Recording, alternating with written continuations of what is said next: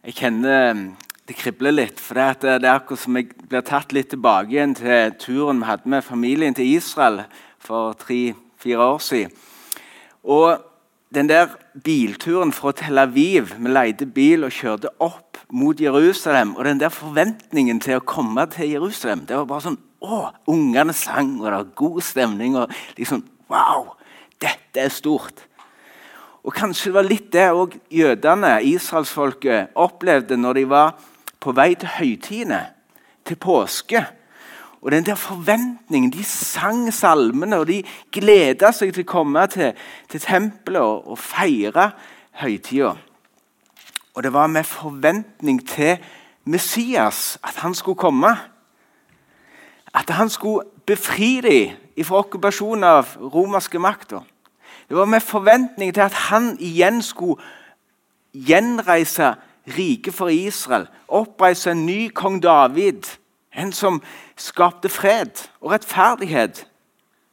Det var med lengsel og med glede de sang og inntok Jerusalem i påsken. Og Det var med glede og sånn begeistring jeg òg fikk være med og reise med familien til Israel. Og skal dere høre en liten sånn fun fact til å begynne med. Jeg gjorde meg sjøl til sånn selvoppnevnt guide.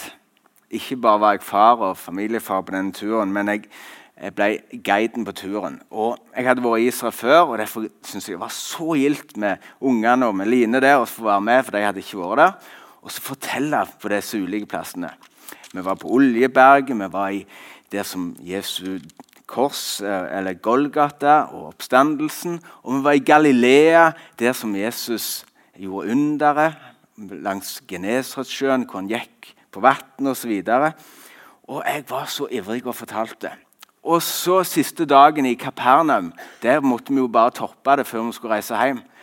Og så var jeg så ivrig og fortalte. Og så sier han Mathias, minstegutten på Han var vel seks år da. Så sa han Nå er jeg så lei av han der guiden, så han på meg. Og da gikk det opp for Oi, kanskje jeg må være far her nå, ikke bare guide. Så da tia jeg, og så var vi hadde fest og basar. Ja, så ivrig kunne jeg bli. Så jeg, Derfor det var litt sånn festlig med Hosianna. Hosianna betyr jo 'gi frelse', eller 'velsigne være Han som kommer i Herrens navn'. Kongenes konge. Og Israelsfolket tok jo imot Jesus som konge. De hyllet han som profeten, men de så ikke at Jesus var den øversteprest som måtte gå via Dolorosa, opp på korset og gjøre soning for all verdens synd. Det førte til at Jesus, som kom til sine egne De tok ikke imot ham, men så tok eh, hedningefolk, altså oss, imot Jesus og det ble til frelse for oss. Og vi venter på den dag, sammen med israelsfolk, med jødefolket, på at Jesus skal komme igjen og gjenopprette sitt rike òg på jord. Den nye himmel og den nye jord. Det venter vi sammen med israelsfolket på skal skje. Vi har sett, som tror på Jesus, at han er den som bar all synd opp på korset, det er Guds lam, som med sitt blod sona jorda opp for oss. Og Paulus han sier det i Romerbrevet kapittel 9 at han lengter og ber om at òg sitt eget folk skal få se Jesus, Messias, som den øverste prest som gjøre soning for sitt folks synd. Vi ser på han felles som en profet, vi ser på ham som en konge, men en dag tror jeg òg at Israel, jødiske folk, skal få se Jesus, at det han gjorde på korset, òg var for dem. Nå er det som et slør, sier Paulus, som ligger foran øynene deres. Men en dag skal det sløret tas vekk, og de skal se opp til han som de gjennomstunge, eller gjennombårte, som det står i profetien. Og de skal bli frelst. Som et folk. Det er vårt håp og vår bønn, og det tror jeg skal skje. Så I dag skal vi se på noen tegn i tida på hva som på en måte kan være litt sånn våkne og beredt og klar for å se Øy, som Bibelen sier, det er et tre her som begynner å spire og bli grønt. Det går mot vår, og det går mot sommer. Vær beredt. Følg med. Vær våkne. Det er nytt liv på gang. Det går mot en ny himmel og en ny jord. Så skal vi se på noen av de tegnene. og Det første jeg skal ta dere med til, det er Mattes 24, hvor Jesus snakker til det jødiske folk først og fremst, men òg til oss. Og så skal jeg ta dere med til Timoteus' brev, hvor Jesus sier noe, nei, Paulus sier noe om menneskeheten i det siste tider som tegn. Men før det så ber vi litt mer i lag. Takk, Jesus, for at du kom, og vi ønsker også å si Hosianna, gi frelse, Herre. Du som er kongenes konge og herrenes herre. Du som òg er den som måtte dø på korset, som gikk lidelsens vei gjennom Jerusalems gate opp til Golgata for oss. Vi ønsker å takke deg og ære deg for at du betalte for all vår synd og skyld. Tok alt opp på korset, så at vi kan gå fri. Vi ønsker å tilbe deg og ære deg og ber at du nå skaper en glede og forventning til at du òg skal komme igjen som konge for Israel og konge for oss og gjenopprette det nye riket, det nye himmel og det nye jord. La oss få være våkne og med glede se fram, med håp på den dagen. Og ikke med frykt, men med glede og begeistring. I Jesu navn. Amen. I Mattes 24 så står det som følger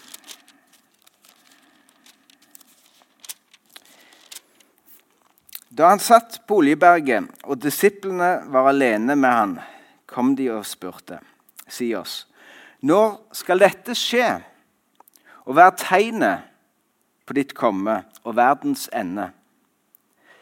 Jesus tok til orde og sa, 'Pass på at ingen fører dere vill.' For mange skal komme i mitt navn og si, 'Jeg er Messias', og de skal villede mange. Dere skal høre om kriger, og det skal gå rykter om krig. Se da til at dere ikke lar dere skremme, for dette må skje. Men ennå er ikke enden kommet. Folk skal reise seg mot folk, og rike mot rike og det skal være hungersnød og jordskjelv mange steder. Men alt dette er bare begynnelsen på fødselsriene. Da skal de utlevere dere til forfølgelse og slå dere i hæl. Ja, dere skal hates av alle folkeslag for mitt navns skyld. Og der skal mange falle fra. Og de skal angi hverandre og hate hverandre. Mange falske profeter skal stå fram og føre mange vill. Og fordi lovløsheten tar overhånd, skal kjærligheten bli kald hos de fleste. Men den som holder ut til enden, skal bli frelst. Og Dette evangeliet om riket skal forkynnes i hele verden til vitnesbyrd for alle folkeslag. Og så skal enden komme. Så stopper vi gjerne fort der. Men nå skal vi ta på oss litt de brillene som leser inn i en jødisk kontekst, hvor Jesus i Matteusevangeliet først og fremst taler til det jødiske folk, og til oss, men i denne kontekst så, han, så refererer han til Daniels bok, som snakker også om de kommende tider. Så sier han når dere ser at det motbydelige som ødelegger det som profeten Daniel har talt om, står på hellig sted, mest sannsynlig i Jerusalem og kanskje på tempelplassen, og la den som leser opp, tyde det. Da må de som er i Judea, flykte opp i fjellene. Og den som er på taket, må ikke gå ned og ta med seg noe fra huset osv. skal jeg ikke gå inn på det, for det hadde jeg en undervisning om tidligere. Men så sier Matteus her at det skal komme ei tid, ei trengselstid på jord som verden ikke har sett magen til. Det som er beskrevet av tegn her, som han gir til Israel, ja, til jødene, men òg til oss, det beskriver han som fødselsrie. Og du som har vært med eller opplevd en fødsel, enten sjøl eller sitt på, vet jo at det begynner forsiktig med litt moring og kanskje litt falskerier og sånn, og så tiltar det i hyppighet, i styrke, og på en måte det blir vondere og vondere før måte, det nye barnet blir født, og det er fest og jubel. og en på en måte nå kan ikke jeg si på vegne av damene, men jeg glemmer det som var vondt. Det, det, det, vet jeg ikke. Men gleden over det nye livet det er sterkere enn smerten en opplevde. Og Sånn beskriver Bibelen det som går fram mot, den nye himmel og den nye jord. Håpet, det er en ny fødsel, nytt liv som kommer. Det er knytta smerte til det, og det er som det kommer som fødselsved tettere og tettere, tiltar i styrke. Men gleden over den nye himmel og den nye jord, det vil overgå all smerte vi har opplevd, og utfordringer her på jord.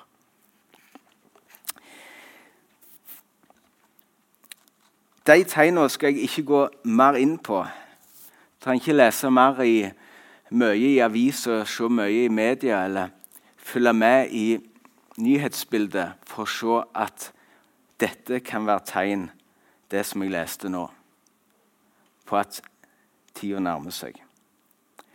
Så jeg har lyst til å si Poenget og målet med denne talen er at vi skal være beredt, vi skal være våkne. Og jeg har ikke lyst til at vi skal gå og skremme hverandre og være redde. Nei, men å bringe håp. For er det noe denne verden trenger, så er det lys, håp og mørke. Samtidig som vi taler sant om samtida vi lever i, og det som Bibelen forkynner om disse tider. La det være utgangspunkt. Nasjonen Israel ble født i smerte. 1948. Nasjonen Israel ble gjenopprettet og få en formell status òg i FN. Ut av krig, krig og holocaust og grusomheter som det jødiske folk opplevde. Å bli sendt til konsentrasjonsleirer og bli gjort til syndebukk for en hel verden. Ut av smerte blir nasjonen Israel født. De får sitt eget land. Og det står profetier på profetier om at Gud igjen skal samle Israels folk. De skal fly som på ørnevinger. Moderne fly, kanskje. Eh, og Det står at det skal vekkes en sionisme, en lengsel i det jødiske folk etter å komme hjem igjen. Og Det står i bl.a. Esekel 37, 21, og jeg kunne sagt til Jeremia og Jesaja osv. at han henter de fra alle verdens hjørner og samler de i Israel som folk. Og Først virker det som at han legger ned en lengsel etter å komme hjem. Men etter hvert så står det at han skal nesten dra dem som en krok med en krok i kjeven hjem.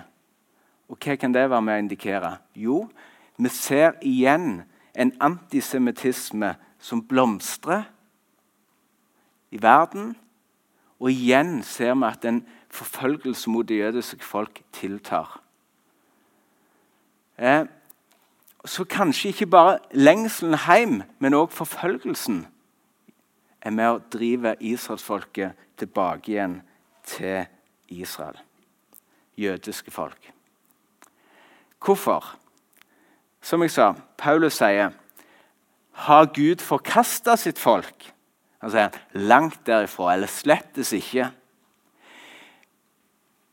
Det er en periode nå så hedningefolk, oss, har fått høre evangeliet, tatt imot, og det er som en innhøstning over hele jorda. En vekkelse som sprer seg som ild i tørt gress. En enorm innhøstning nå så mange som blir frelst verden rundt. En enorm vekkelse. Men så sier Paulus en dag så skal òg det jødiske folk få øynene opp og se og bli frelst. Så Gud har ikke forkasta sitt folk. Vi tror ikke på en erstatningsteologi som sier at alt som står om det jødiske folk, handler i dag om kirka eller menigheten. Nei, jeg tror iallfall personlig på at Gud fortsatt har en plan med Israel som folk og nasjon i frelseshistorien. I det som har vært, og i det som kommer i de kommende tider. Gud har ikke forlatt sitt folk. Og Det er ikke pga. at israelsfolket gjør alle ting så rett og fint og flott. Ikke i historien og ikke i dag, men fordi de er et utvalgt folk av nåde ifra Gud. Til frelse for nasjonene. Vi har Jesus, frelseren, ifra dette folk. Og han skal komme til sitt eget folk, han skal komme til oss, og han skal gjøre ting i historien òg for sitt folk. Som er til velsignelse for hele, hele verden. Hva er det med dette folk som har klart seg gjennom historien på mirakuløst vis? første som skjedde etter at nasjonen Israel ble opprettet, var at det ble krig fra flere fronter mot det. Hva som skjer i dag? De har klart seg, og de har utvikla Og de har stått gjennom strid. Og de er kanskje mest, mest smarte folk i verden som har evna å utvikle teknologi og, og, og forretning og på så mange områder vært nyskapende. Er fascinerende, syns jeg. Nei, Gud har ikke forkasta sitt folk. Jeg tror Gud har en plan med dette folk. Og nå skal jeg ta dere med til en historie i Det gamle testamentet som kan være med og beskrive litt historien som var, og som skal skje. Og Da skal jeg trekke noen paralleller mellom Det gamle og Nye testamentet. Og Det er jo egentlig det som skjer palmesøndag òg. Profetiene går i oppfyllelse. Det er tette paralleller mellom Gamle og Nye testamentet. Og I dag skal jeg gi dere en liten historie. Prøve å gjøre det kort og gripende. Historien om Josef. Og så skal dere tenke på Josef som forbilde på Jesus. Og så skal dere tenke på brødrene som et bilde på Israel og det jødiske folk. Så skal dere få tenke på farao og det egyptiske folk som et bilde på oss, hedninge folk, som får del i frelsen. Husker dere Josef, 17 år gammel, som hadde fått en fin kjortel av faren, og som var liksom høyt verdsatt? Og det førte til misunnelse hos brødrene til Josef. For det virka som at, at faren var mer glad i Josef enn brødrene. Og Han hadde gitt han en fin kjortel. Og så En dag så sier han gå til brødrene og så se til dem om det går greit når de er ute på markene og passer på buskapen eller dyra. Så kommer han, han kommer til sine egne, og så sier de Haha, der kommer denne drømmemesteren. Kom, la oss slå han i hjel. De hadde sånn hat til han. Hvorfor? Jo, for Josef ikke bare hadde en fin kjortel, var godt likt av faren, men han hadde hatt drømmer. Han hadde fortalt det til brødrene og til mor og faren og sagt jeg hadde en drøm, og jeg sto i midten som et kornbånd. Og dere, brødre og mor og far, dere sto rundt, deres kornbånd sto rundt meg og bøyde seg for meg. Og, og De ble så sure og irriterte, og faren ble mest litt sånn mm, Sånn kan vi ikke snakke. Og så sier jeg noe om månen og stjernene, som gjør det samme. Og så fører det til det hatet. At eh, de sier, når han kommer ut for å se til dem, og kanskje komme med mat til dem, sier han vi slår han i hjel. Så husker dere historien. Ruben han sier nei, vi kan ikke det. Så sier ja, Juda han sier når det kommer noe folk Ismailitter, står det. Ha-ha, vi selger han iallfall. Vi selger han og tar pengene. Akkurat som Judas ville selge Jesus for 30 sølvpenger. Og så ser vi historien om at de sier OK, vi selger han. Men før det så hadde de kastet han i brønnen. Og han ropte i smerte. Og så tar de kjortelen etter de har solgt den, og så slakter de et dyr, og så tar de blodet på kjortelen, og så tar de den med hjem til far, til Jakob, og så sier de Se, sønnen din, jeg tror han har blitt drept av et dyr, et villdyr. Og Det er en enorm smerte for Jakob, faren. Men hva er det som skjer? Gud har ikke forlatt Josef, igjen som er et bilde på Jesus. Han var å regne i farens øyne som død. Men han kom til Egypt, til hedningefolk, til sånne som meg og deg, som ikke i utgangspunktet hadde del i løftene til Israel og det gamle pakt. Han kommer, og han får bo hos Potifar og tjene der, ved hoffet, altså faraos hoff, kongens hoff. Og han var en flott unge mann, og vi husker at Potifars kone hun prøver å friste ham til fall og prøver å, å si 'kom og ligg med meg'. Og så husker vi at Josef han blir kasta i fengsel på falske anklager. Han blir kasta i fengsel på noe som anklager som ikke var sant. Josef hadde ikke gjort noe galt mot Potifars kone eller Potifar. Han hadde ikke vært utro. Nei, og i fengselet her så husker dere kanskje en baker, en munnskjenk, og at den, de òg hadde hver sin drøm. Og så kunne jo Josef tyde drømmer, for han hadde fått den gaven fra Gud. Og så gir han den tydningen at munnskjenken, som også var satt i fengsel, han skulle få komme ut av fengsel og få igjen tjene ved kongens hoff som munnskjenk. Mens bakeren han skulle bli hengt på et tre. Og han skulle ikke få leve. Og dette bildet sier meg noe om Jesus som redningsmann. Bare en liten sånn kort parentes.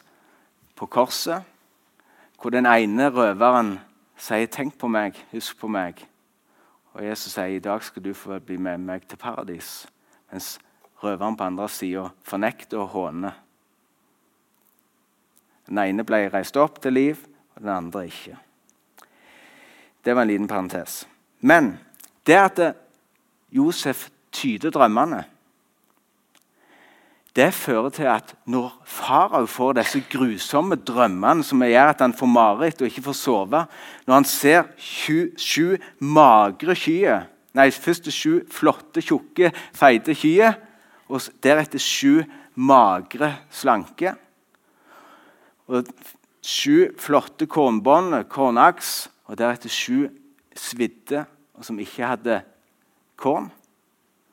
Så får han sånn uro i seg, og så er det at han munnskjenken han kommer på Å ja, Josef. Han, han kunne jo tyde drømmer. Og så kommer han og tyder drømmen til farao. Og så sier farao Fins det noen som Josef i hele mitt rike? Og så reiser han han opp ifra å vært på en måte som død, dømt til døden, og til å bli oppreist til å bli som statsminister i hele Egypt.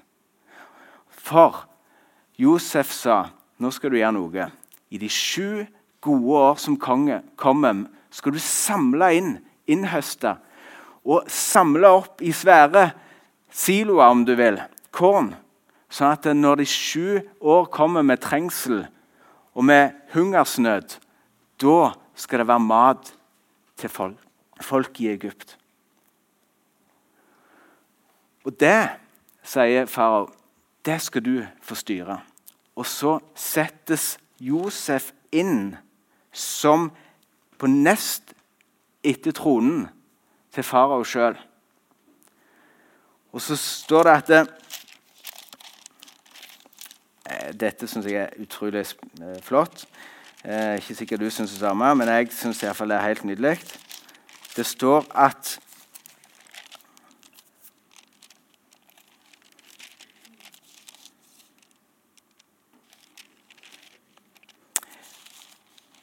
Å, oh, unnskyld. Skal vi se.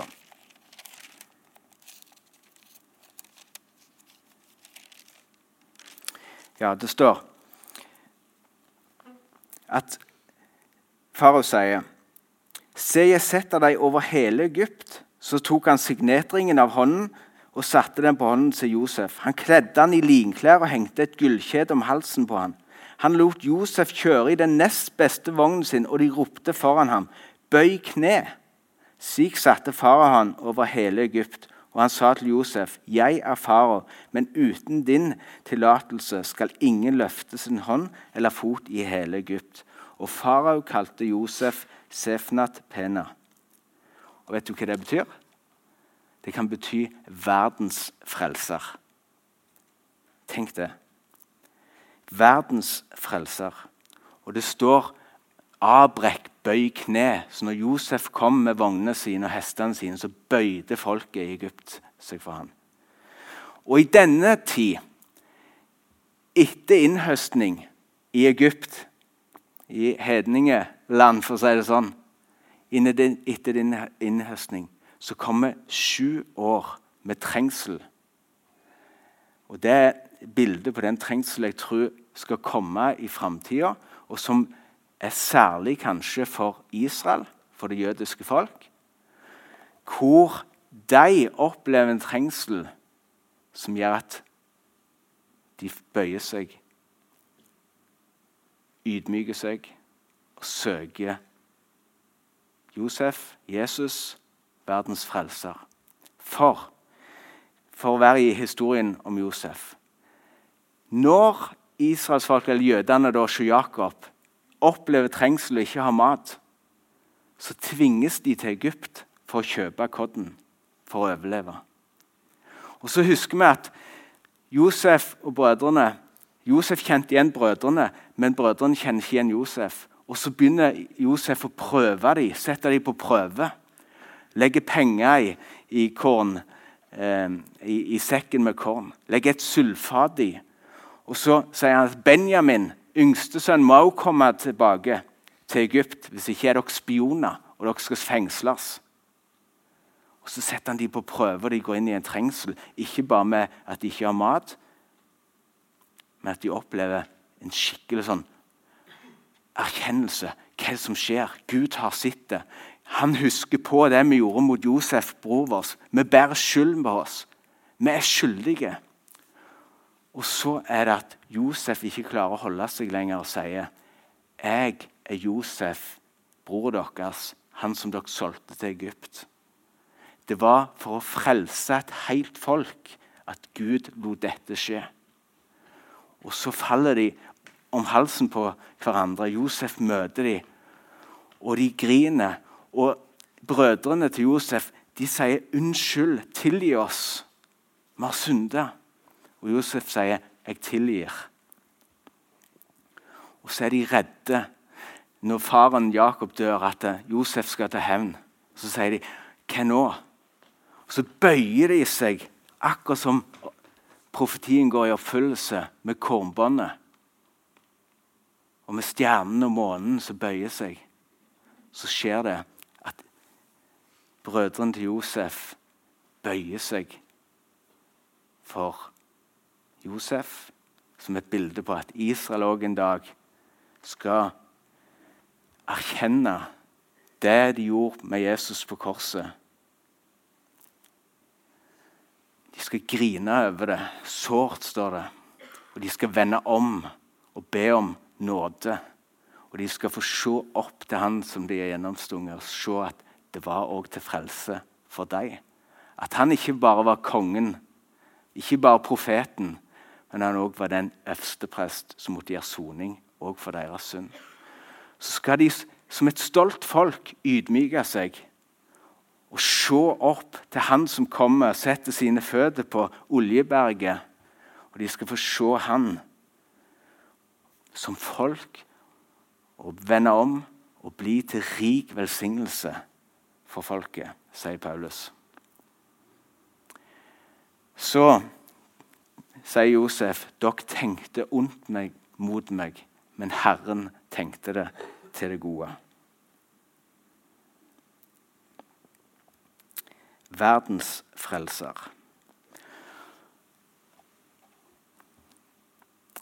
Ok, til slutt. Noe som er kanskje mer relevant for oss. Nå skal jeg prøve å ikke dra det så langt. Men til slutt, i, bli med til andre Tim. Tegn i tida. Jeg sa jeg skulle si litt om Israel, og jeg skulle si litt om menneskene i de siste tider. Som et tegn på de kommende tider, at de kan nærme seg at Jesus kommer igjen. Og Paulus sier det sånn i 2. Tim 3 og vers 1. Du skal vite at i de siste dager skal det komme vanskelige tider. For da skal menneskene være selvopptatte, pengegriske, brautende, hovmodige og spottende, ulydige mot foreldre, utakknemlige og uten respekt for det hellige, ukjærlige og uforsonlige, baktalende, ubeherskede, rå, ondsinnede, svikefulle, oppfarende og innbilske. De elsker nytelser høyere enn de elsker Gud. I det ytre har de Guds frykt, men de fornekter gudsfryktens kraft. Han sier i de siste dager altså skal det komme vanskelige tider. Menneskene, Det som kjennetegner karaktertrekket ved mennesket i disse tider, er som jeg sa, opptatt, selvopptatt, pengegrisk, brautende, hovmodig osv. Utakknemlig og uten respekt for det hellige. Ukjærlige, uforsonlige, baktalende, ubeherska, rå og ondsinnede, innbilske osv. Har skinn av gudsfrykt, men fornekter dens kraft. Er det kanskje det vi ser i samfunnet og kulturen rundt oss? Mer enn før? Ja, jeg vil si det. Eh, og vi kan kjenne det igjen i våre egne liv. Det skal ikke være mer, mer Eller det må vi kunne tørre å si òg om mitt liv og kanskje ditt liv. Og at vi er preget av dette. Og her er det kanskje ting vi må vende oss ifra og be om nåde og tilgivelse i forhold til. Men det som jeg har lyst til slutt nå å si, som kanskje kan være med å bringe håp,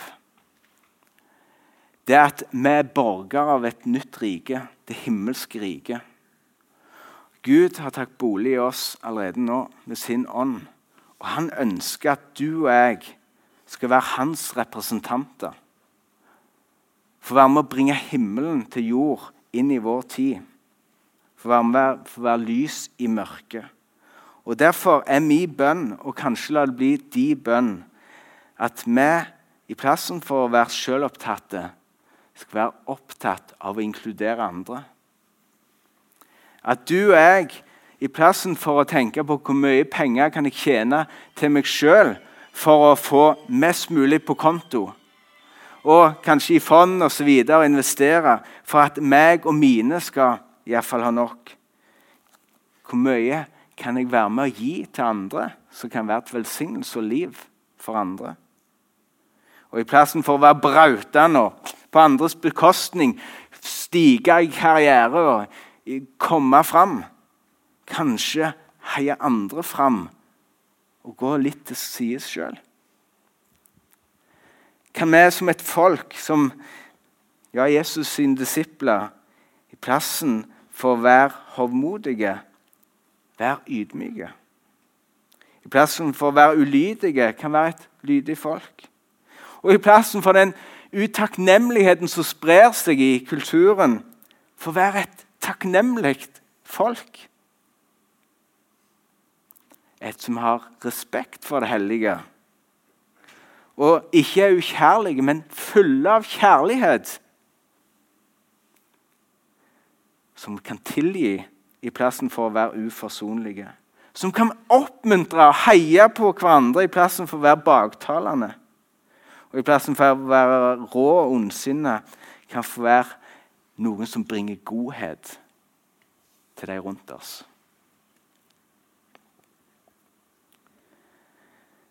La oss som Guds folk sette Gud først.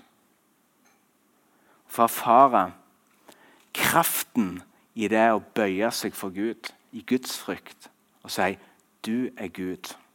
Du er historiens herre. Du har kontroll. Jeg bøyer meg for deg, bøyer meg for ditt kors, og jeg ydmyker meg og sier 'Vær min Sofnet Pena'. Jesus, vær min frelser, vær min konge, vær min profet, som taler inn i livet mitt. Jeg vil følge deg, Jesus. Jeg vil at du skal være herre i mitt liv, konge i mitt liv. Jeg vil ydmyke meg og bøye meg for deg mens det ennå er nådetid. Før du kommer igjen, Jesus. Jeg vil følge deg, og jeg vil være gode nyheter mens jeg lever her på jord. Få være med og bringe himmelens rike nær til Klepp, her som jeg bor. Og være til velsignelse. La det være vår bønn. I Jesu navn. Amen.